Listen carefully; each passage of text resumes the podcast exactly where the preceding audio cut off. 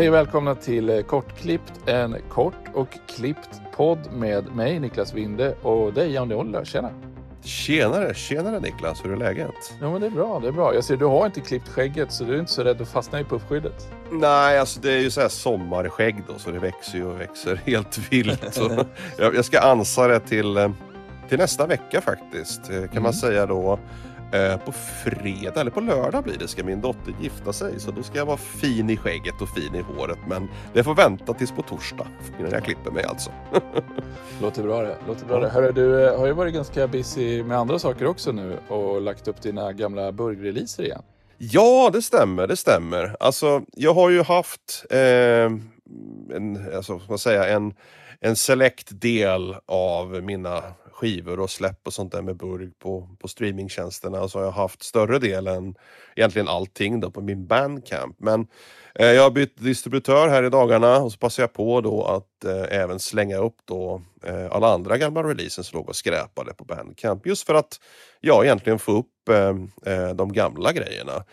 Och det var ett eh, väldigt roligt och eh, kärt jobb faktiskt. För då fick jag möjlighet att gå igenom många av de plattorna som jag gjort som egentligen kanske lite grann hade glömt bort också existerade. Så det var som en kul liten tidskapsel för mig att eh, göra det och samtidigt även få ut då eh, de här gamla skivorna. Så det är några eh, saker som varit ut på fysiskt tidigare.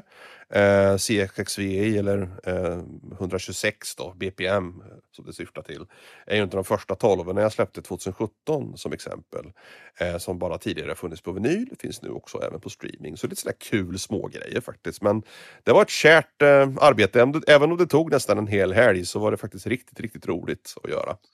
Ja, men det är väl lite förarbete och preppa så att man har alla filer klara, alla omslag och allting sånt där. Och sen så är det väl bara att lasta upp det ganska hyggligt fort. Precis, jag menar, det, man kontrolllyssnar ju allting. Det är ju viktigt som man kollar igenom då. Är det här verkligen rätt version som åker upp så man inte skjuter upp något konstig knasig remix eller någon felaktig variant på låten. Eh, och det gjorde att då fick man ju sitta och lyssna allting från början till slut i och med att det var så mycket gamla grejer. Eh, som du sa då, även fixa med omslag, några grejer var ju för små och stora, fick göra om lite grann och fixa och trixa. Eh, men det var på, på det hela faktiskt en väldigt kul upplevelse. Så spring in och, eller hoppa in på Spotify eller på Apple Music eller vart ni än lyssnar på streamingtjänsterna så ska ni hitta Ja, säkert en eh, 7-8 stycken nya releaser där med, med burg och lite annat också. Så att, eh, Precis, för det, det är inte bara burg utan det är lite andra projekt du har också som du la upp. Ja, precis, precis. CC48 är ju mitt lilla minimala projekt som är, vad ska man säga, jag bestämde mig för att eh, fimpa melodierna i mina låtar och höja tempot lite grann, lite mer dansinriktat. Och det skedde väl egentligen i samband med att jag gjorde ett byte med en snubbe på 99. Han ville ha min Digitone. Så fick jag hans eh, The Human Comparator SY1-klon. Och den där var ju som klippt och skuren för techno så att eh, ja, egentligen hela den plattan är baserad på den apparaten. Eh, och sen även ett eh, gammalt goth, gothic eh, darkwave-projekt som heter Canted eh, som jag har återupplivat med en ny singel också som finns där ute som heter Crown. Så att ja, bara hoppa in och lyssna. Precis, Crown hörde jag när, den, när du la upp den här om dagen. Den tyckte jag var jävligt bra. Den var, jag, blev- jag blev lite lurad av beskrivningen och några av kommentarerna. För jag tyckte, eh, tänkte så här, ja men det här är lite, det, det är nog lite för mörkt för mig. Men det var så, jag tror jag skrev smakfullt. Och det är det verkligen. Det är liksom mörkt fast på, alltså inte det här överdrivna sättet som det gärna kan bli. Utan det var verkligen smakfullt och liksom rätt sätt alltihop kändes det som.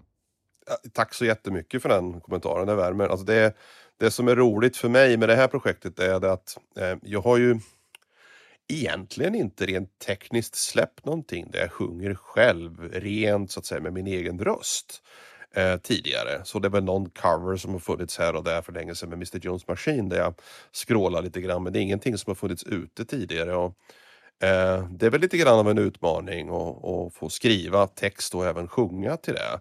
Eh, nu är väl den singeln som jag släppte nu inte 100% polerad och så som jag kanske egentligen skulle vilja ha den i slutändan. Men jag kände att det var dags att trycka ut den där och testa och se om den funkar. Eh, om ni gillar den och sådär. Om folk där ute gillar den så kanske jag ger mig på och gör lite mer. Så att säga. Så att det var lite grann en, ett provskott då.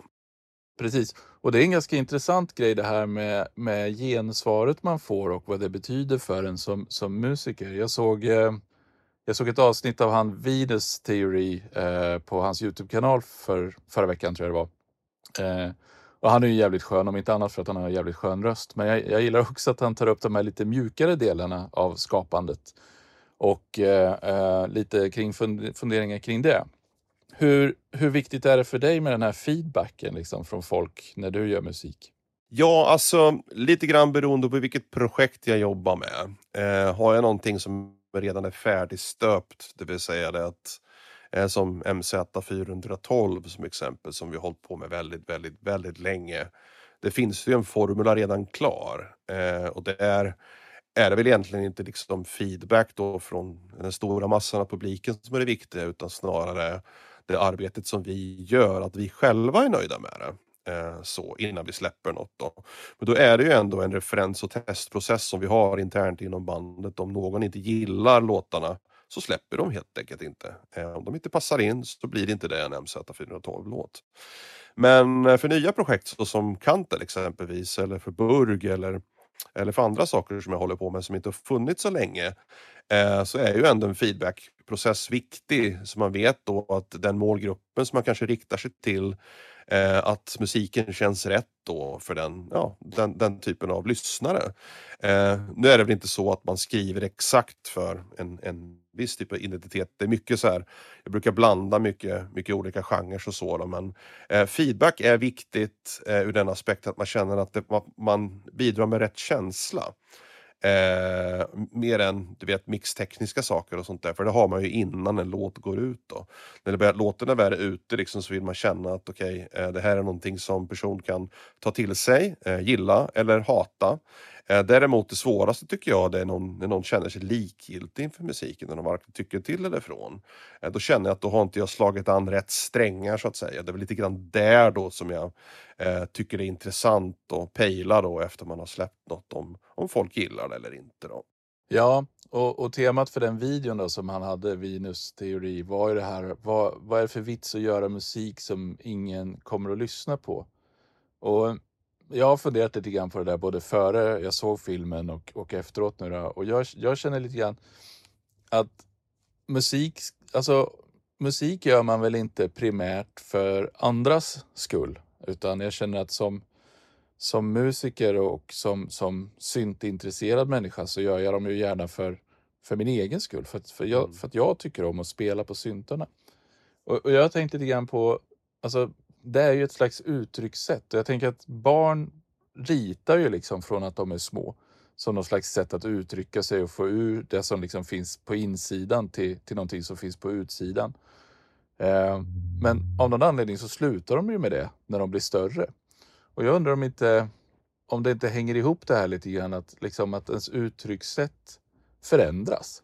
Och, och, eh, man kanske har en period i livet när man behöver uttrycka sig genom musiken men sen så går man vidare och behöver inte det längre. Jag vet, jag vet faktiskt inte. Det där är ju svårt alltså. Eh, just när det gäller hur det funkar för andra, eh, vill jag ha sagt. Då. Det, det som jag känner är viktigast för mig själv, det är som du sa, jag gör det för min egen skull. 99 procent, 95 procent för min egen skull.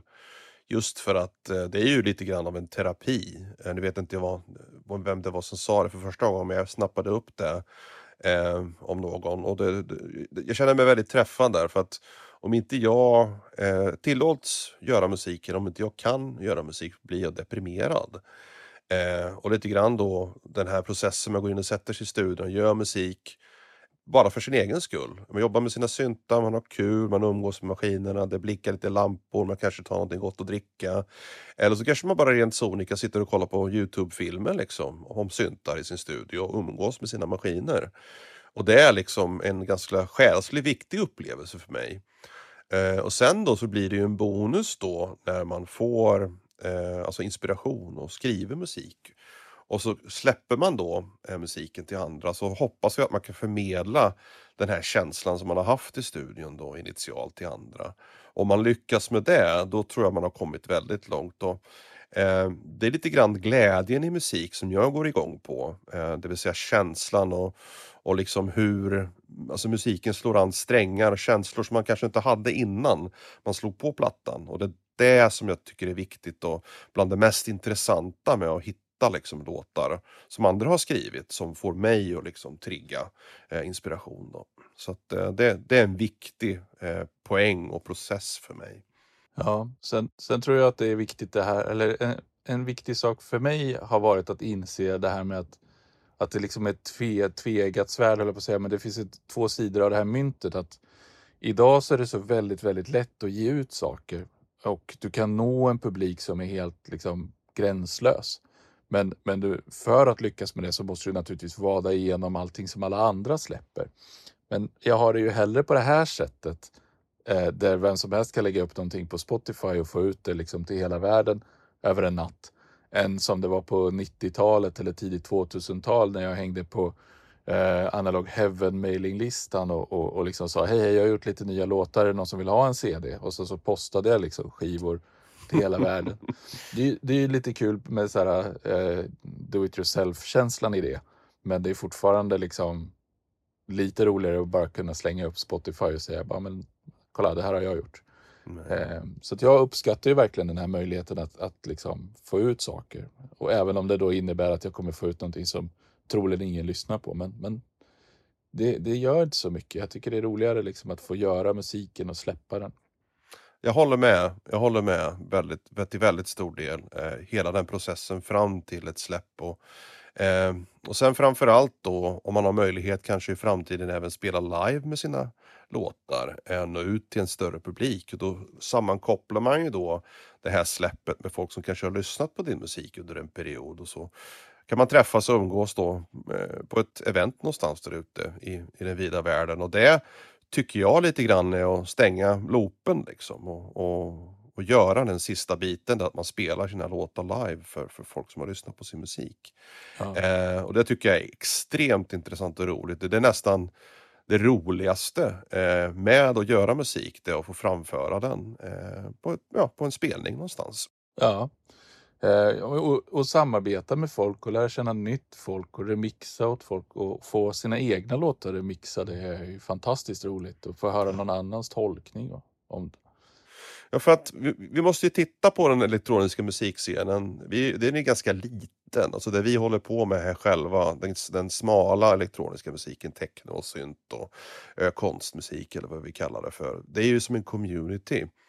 Eh, jag tror det är väldigt viktigt att, att liksom åka ut och titta på musik så ofta man kan och lära känna och träffa människor där ute. Eh, och samtidigt som man kanske då har möjlighet att spela. För då liksom skapar man den här gemenskapen då eh, i den här communityn och den är minst lika viktig tycker jag som låtskrivandet. Eh, jag har ju väldigt mycket utbyte av folk som är likasinnade som tänker och tycker om samma typer av musik som jag gör och då kan vi ha en konversation kring det. Och det är inte nödvändigtvis i egenskap som musiker utan som musikälskare. Eh, och det är det som är det roliga med den elektroniska musikvärlden, att vi är så pass små. Vi, vi bör ta hand om varandra och träffa varandra oftare tycker jag, så att mer spelningar. ja, definitivt. Och nu när pandemin är över så finns det förhoppningsvis möjlighet till det.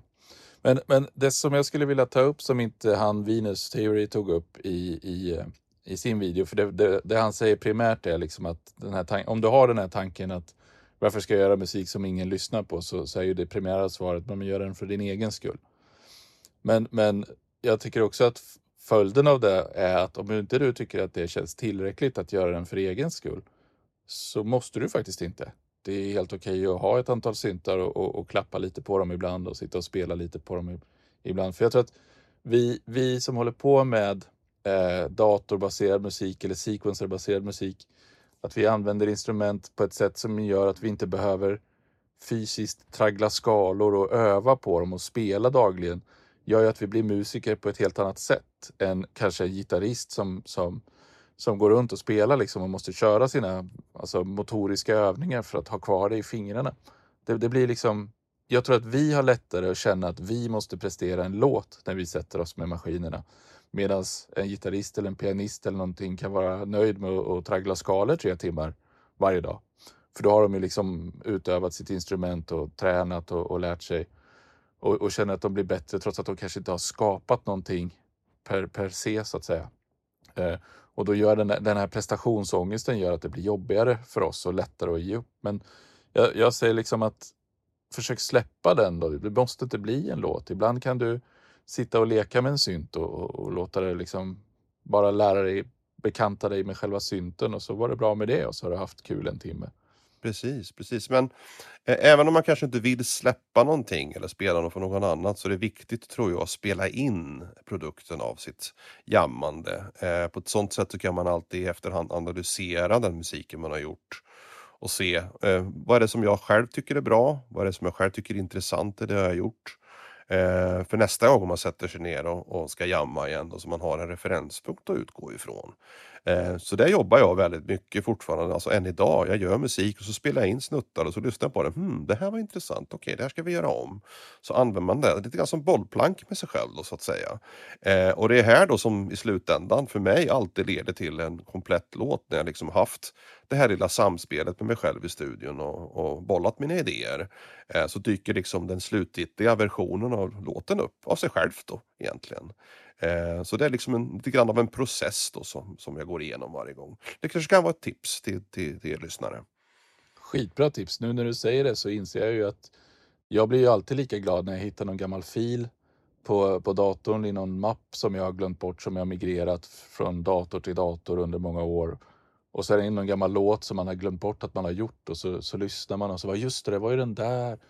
Och så tar man, tas man nästan tillbaka i tiden till när man gjorde den och vad, vilka prylar man hade och hur man gjorde. Och så här. Det är jättebra tips. Mm. Spela in och spara till, eh, till framtiden. Precis. Ehm, men, men sen är det också så här, jag skulle vilja ta upp en sak som, som eh, jag har... Eh, det, det finns en textrad i en Bob Hund-låt där de sjunger Jag gillar sånt som ingen bryr sig om.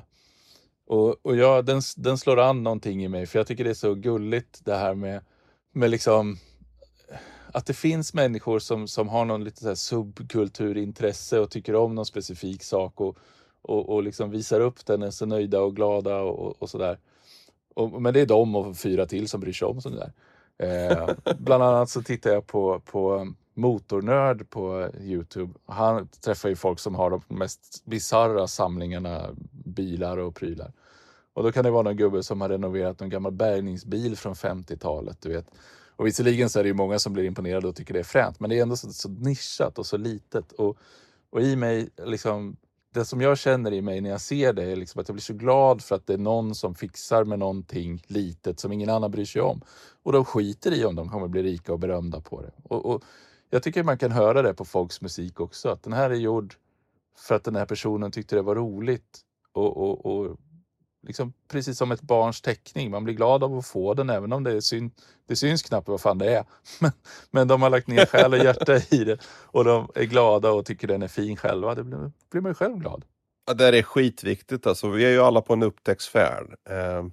Jag tyckte, tyckte om det du sa förut, för, lite tidigare här, jag vill återkoppla till det också som går i linje med det du har sagt. att att det här med att man har en massa instrument hemma, så behöver inte det betyda att man måste producera massa musik hela tiden och släppa liksom massa låtar. Utan det är din lilla man eller girl cave. Eh, där man liksom spenderar tid med sina apparater för man har en hobby.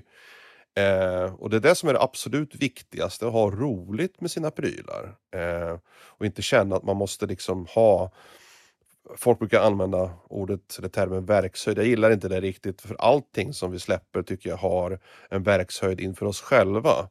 Eh, och det är det viktigt liksom att, att, tänka så när man gör musiken, när man leker med sina prylar. att Det är inte alltid tänkt för allmän konsumtion. Man kan göra saker bara för att det är kul. Det, svårare än så är det inte.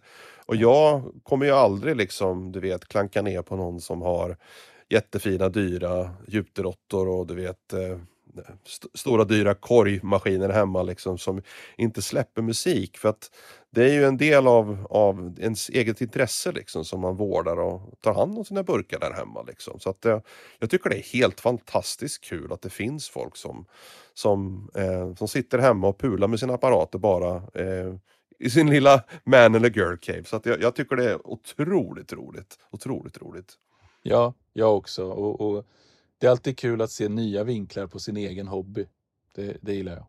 Alltså faktum är att jag har ju själv lärt mig mycket av folk som inte kallar sig för musiker. Det vill säga att de gör saker och ting på knasiga sätt. Jag har ett alldeles exceptionellt exempel på det. Jag har ju en, en gammal korg Volka Keys eh, som hade en metronom i sig som ett ditt, ditt, ditt man kunde slå på.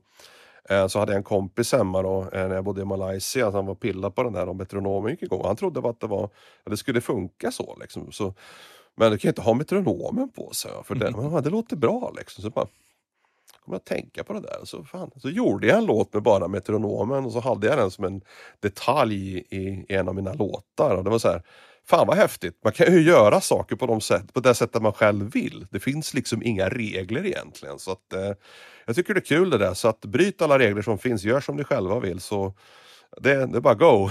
ja, och våga göra någonting som ingen annan bryr sig om. Precis, precis.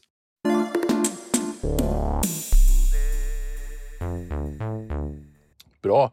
Men du, eh, som sagt, när man har gjort lite låtar då så kanske man får turen att spela live då?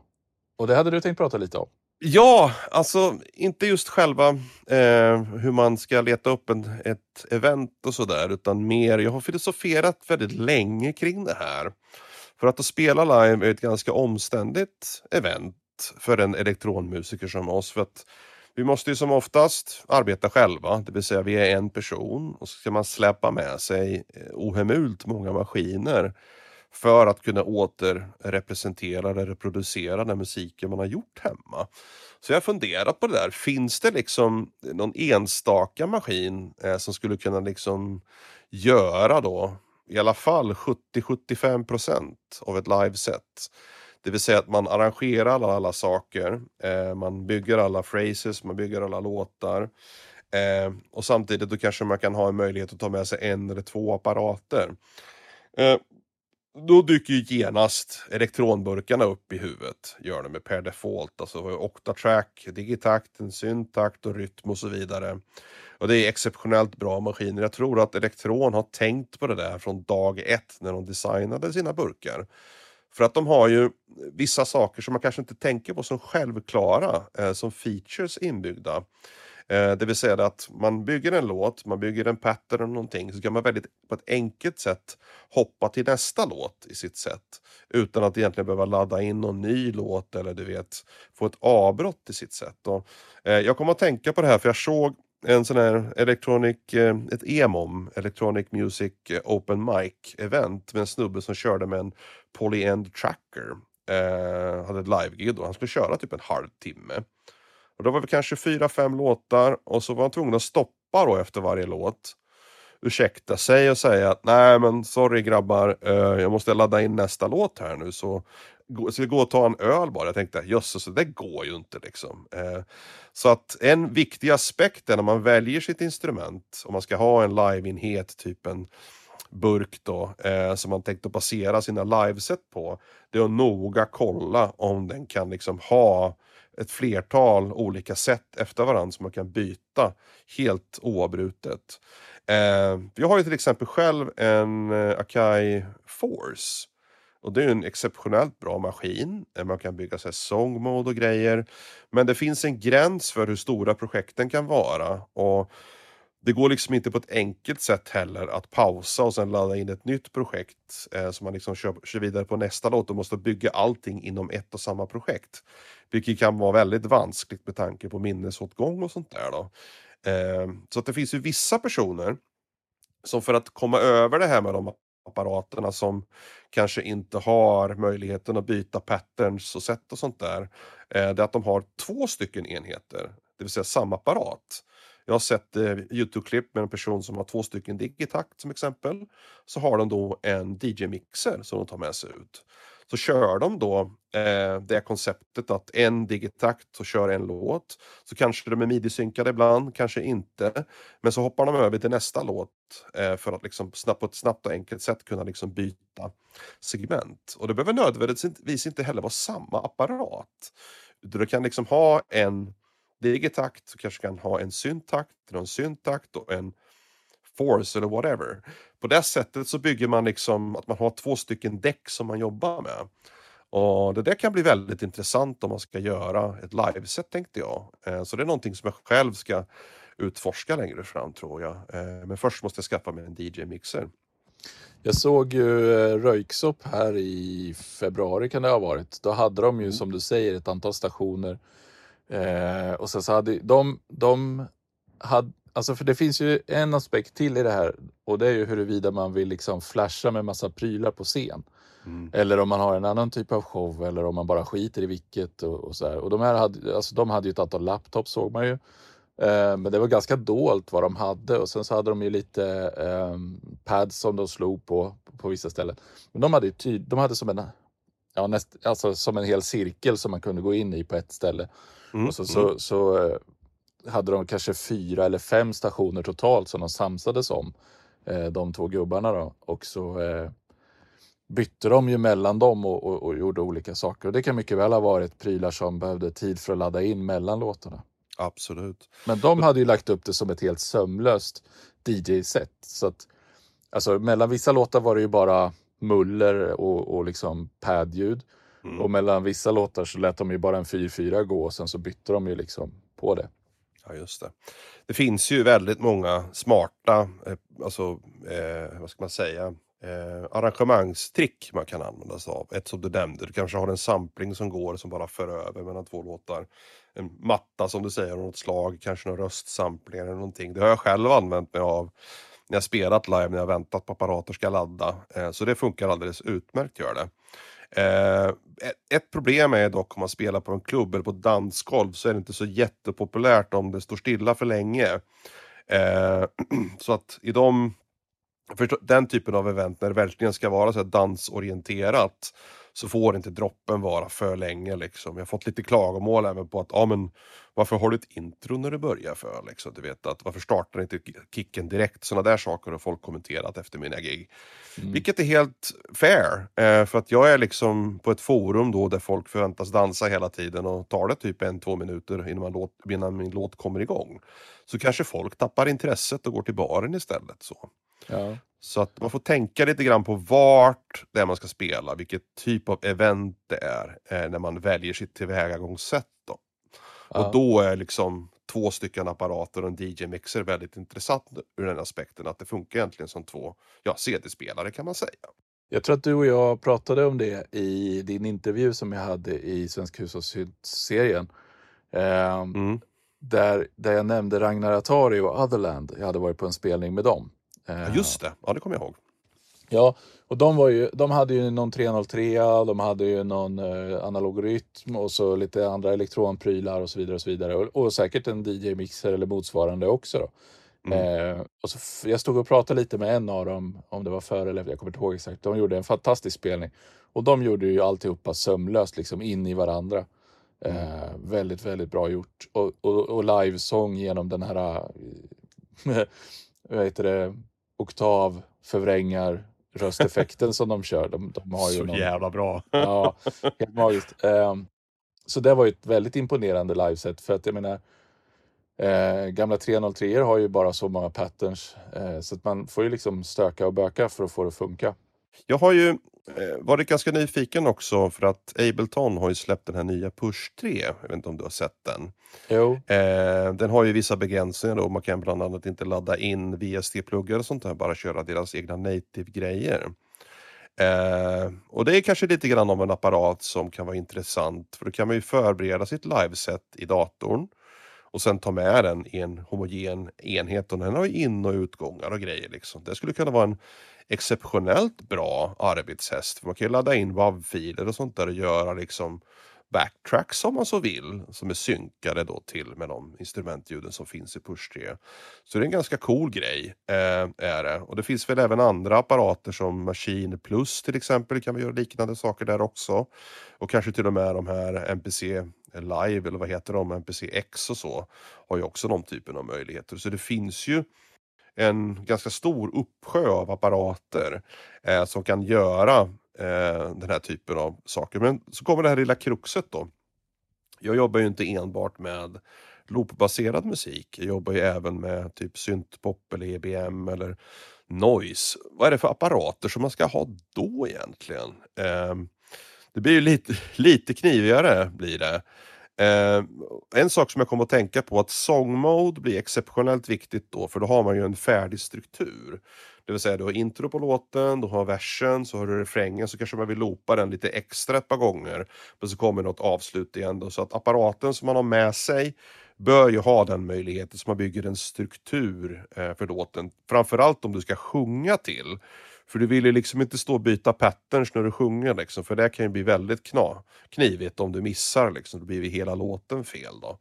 Mm. Eh, så att eh, jag har tänkt på det där också. Då skulle ju en apparat som eh, kanske inte har den här möjligheten att på väldigt snabbt sätt du vet, byta mellan olika låtar. För då har man ändå möjlighet att pausa och snacka med publiken emellan. Och sen köra in nästa låt. Då, för att då slipper du den här begränsningen som kanske vissa av de apparaterna har. Så det finns lite för och nackdelar då med de olika tillvägagångssätten. För att just elektronapparater vet jag att Song Mode är inte någonting som finns egentligen. Eh, på det sättet som de det finns nu idag eller? Ja, för tusan. Elektronmaskiner har Song Mode. Särskilt på, den kom ju nyligen på Syntakt och gamla Mono Machine har också där man kan liksom loopa tillbaka. Man kan lägga ett antal patterns och så kan man hoppa tillbaka i den listan och så kan man muta olika delar. Man kan till och med transponera tror jag, vissa tracks och grejer. Alright, alright. Men det är helt underbart att jag har fel där. Och då är det, då är det även ett, det är ett bevis på att jag inte uppdaterar mina burkar så ofta. Jag ber om ursäkt. Men det där är ju en fantastisk grej i så fall. För jag minns att det fanns ett begränsat stog mode där man liksom, liksom, det inte någonting sparades utan att du, när du stängde av och slog på den igen så var liksom hela den här pattern sequencing grejen borta. Men om de, om de har löst det i nyare mjukvaror så är det helt fantastiskt. Då ska jag ta och uppgradera min digitakt tror jag. Ja, den, jag vet inte hur den är men syntakten vet jag fick song mode nyligen och sen så vet jag ju att Mono Machine har det. Men, men sen så tänkte jag också på att um, Nej, det är lite olika vilken typ av musik man framför också, i vilken mån man behöver förändra den live. Alltså om mm. du gör ett technoset med ett antal patterns, då, jag, då, tycker jag man kan stå och improvisera och, och liksom, då vill man ha maskinerna med sig. Man vill mm. vrida på effekter på de olika och sådär. Men om du kör en syntpoplåt, då tycker jag man kommer undan med att ha 90% på något backtrack och sen så spelar man live på de där svartvita knepiga grejerna fram på syntarna. Ja, precis. eh, och så på ett noiseband eh, så kan jag tänka mig att man liksom bara står och ser cool ut och har lite plåtprylar på scen.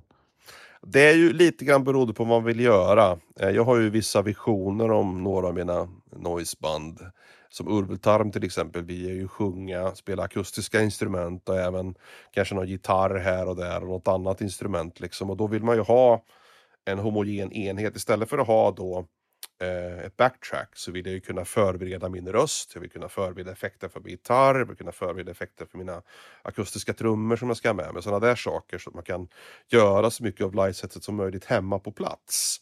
Mm. Eh, då blir det ju inte så enkelt med ett backtrack för då måste man kanske ha en backtrack och så har man effektburkar istället. Då blir inte det riktigt samma sak känner jag.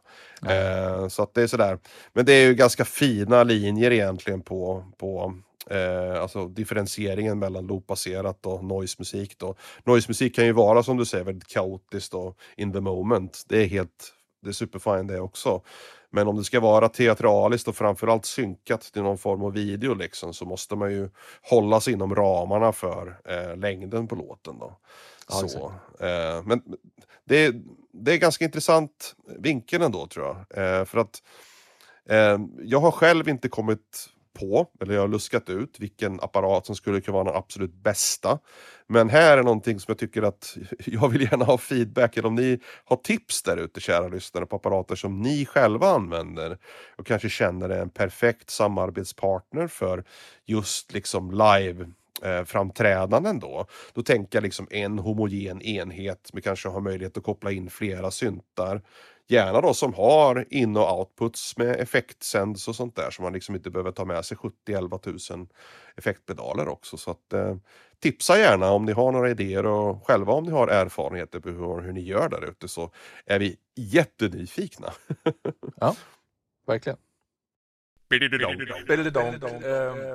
Hör du, eh, tänk om man kunde få jobba med att designa syntar, för jag får syntidéer i huvudet när jag ska sova på kvällarna.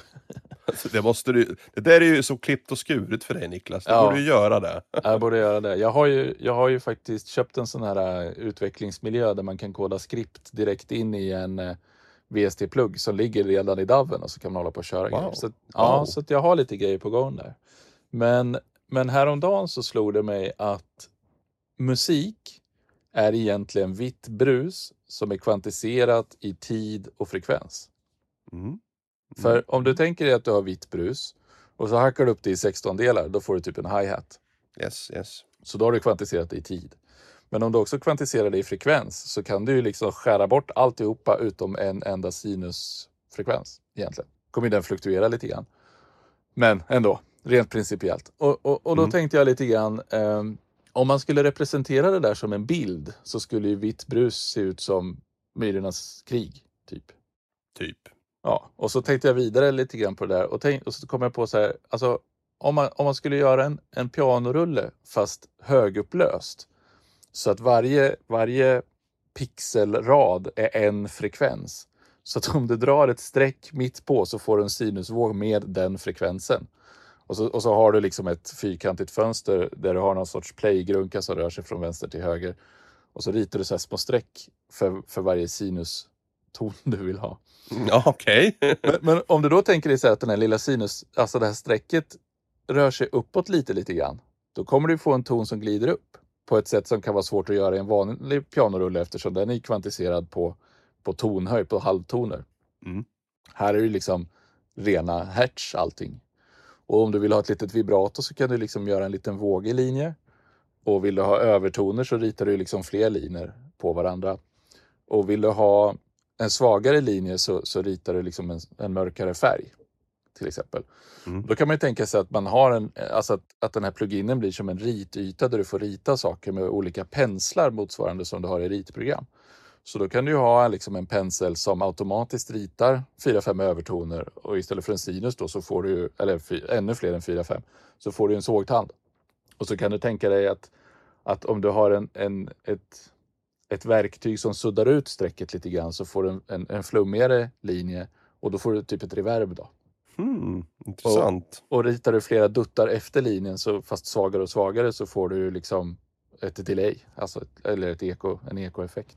Men tänker du som att det skulle vara en ljudgenerator eller att den skulle vara som en effektenhet eller både och? Ja, det blir ju precis vad du vill egentligen, eller det blir ju både och då. Så att du, det, det man gör är helt enkelt att man ritar streck som representerar frekvenser, så kan du rita hur du vill. Det som är intressant då är att du skapar någon form av ramverk kring det där. Så det finns liksom en kvantisering, typ tonhöjd, rätt skalor, jada jada, volymer och så. Då. Och så det skulle vara perfekt att göra på typ en iPad eller något liknande. Du ritar med fingret liksom. Istället för att rita med mus på skärmen. Det skulle vara otroligt häftigt. Ja. Det, iPad hade jag inte ens tänkt på, det var ju, det var ju klockrent ju. Och sen att man har som du säger, att man har lite så här färdiga verktyg som hjälper en så att det blir lite kvantiserat i toner. Så att annars så kommer det bli fruktansvärt svårt. Mm, mm. Men det ska ju finnas ett kaosläge där man kan köra utan kvantisering såklart. Så man kan få de här helt galna grejerna. Mm. Hmm, hmm, Och så måste man ju kunna ladda in bilder då. Ja, ja visst, visst. Så nästa gång ditt barn kommer och, ritar en, kommer med en teckning så tar du iPaden och fotar av det och så får du in det i programmet. Kan du lyssna på teckningen? Ja, det är skithäftigt ju. Det, det Ja. tycker jag. Du har en vecka på dig. Ja. vilken, vilken tur att jag är så snabb på att koda. Det är ju skithäftigt för att du skapar ju automatiskt en koppling där. Ett nytt visuellt interface om, om man säger.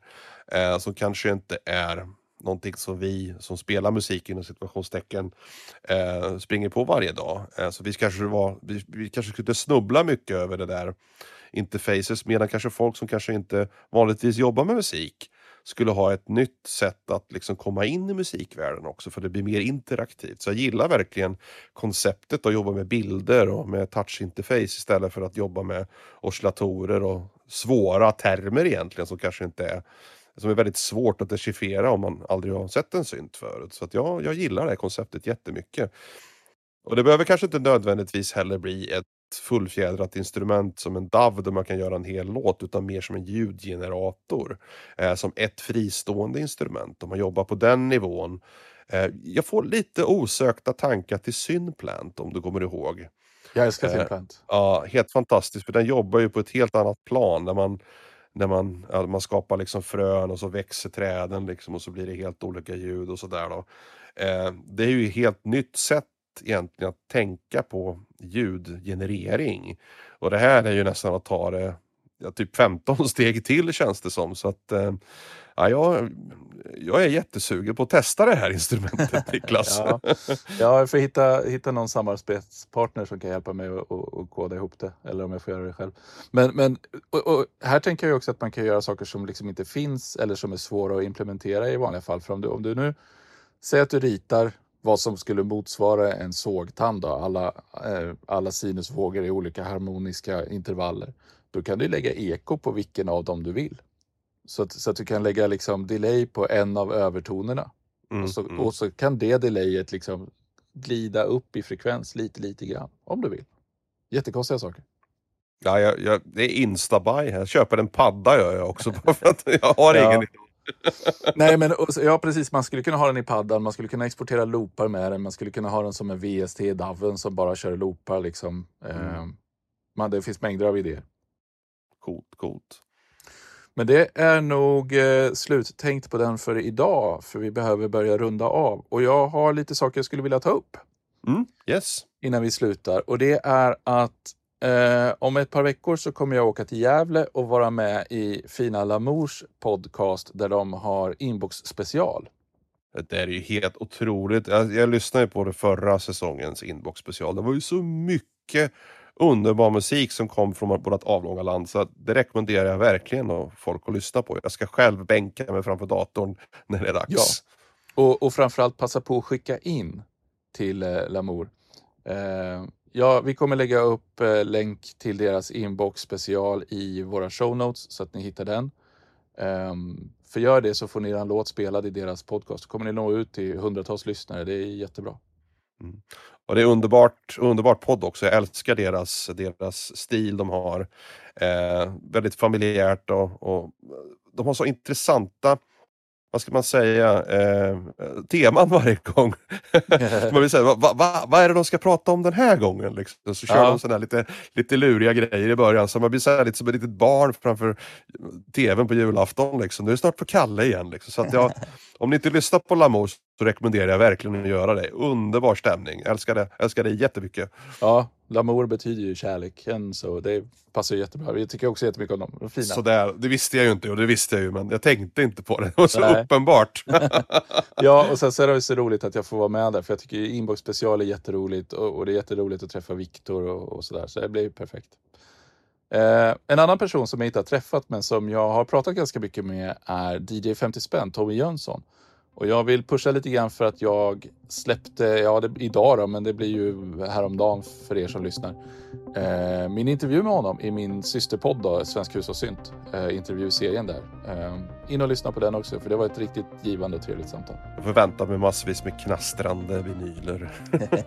ja, dålig ljudkvalitet höll, jag på att säga att det blev. Om man lyssnar på Spotify så var vi tvungna att, att strypa kvaliteten för att mp3 skulle få plats. Så det, den är väl lite knastrig kanske. Precis, så gå in på Soundcloud istället. Det funkar ja, mycket bättre. Det är mycket mer hi-fi. Vad bra. Tack för idag hörni. Glöm inte våran Discord. Tack alla som redan hänger där och eh, ha det så bra. Detsamma. Ha det gott så hörs vi snart igen. Hej hej! Hej hej!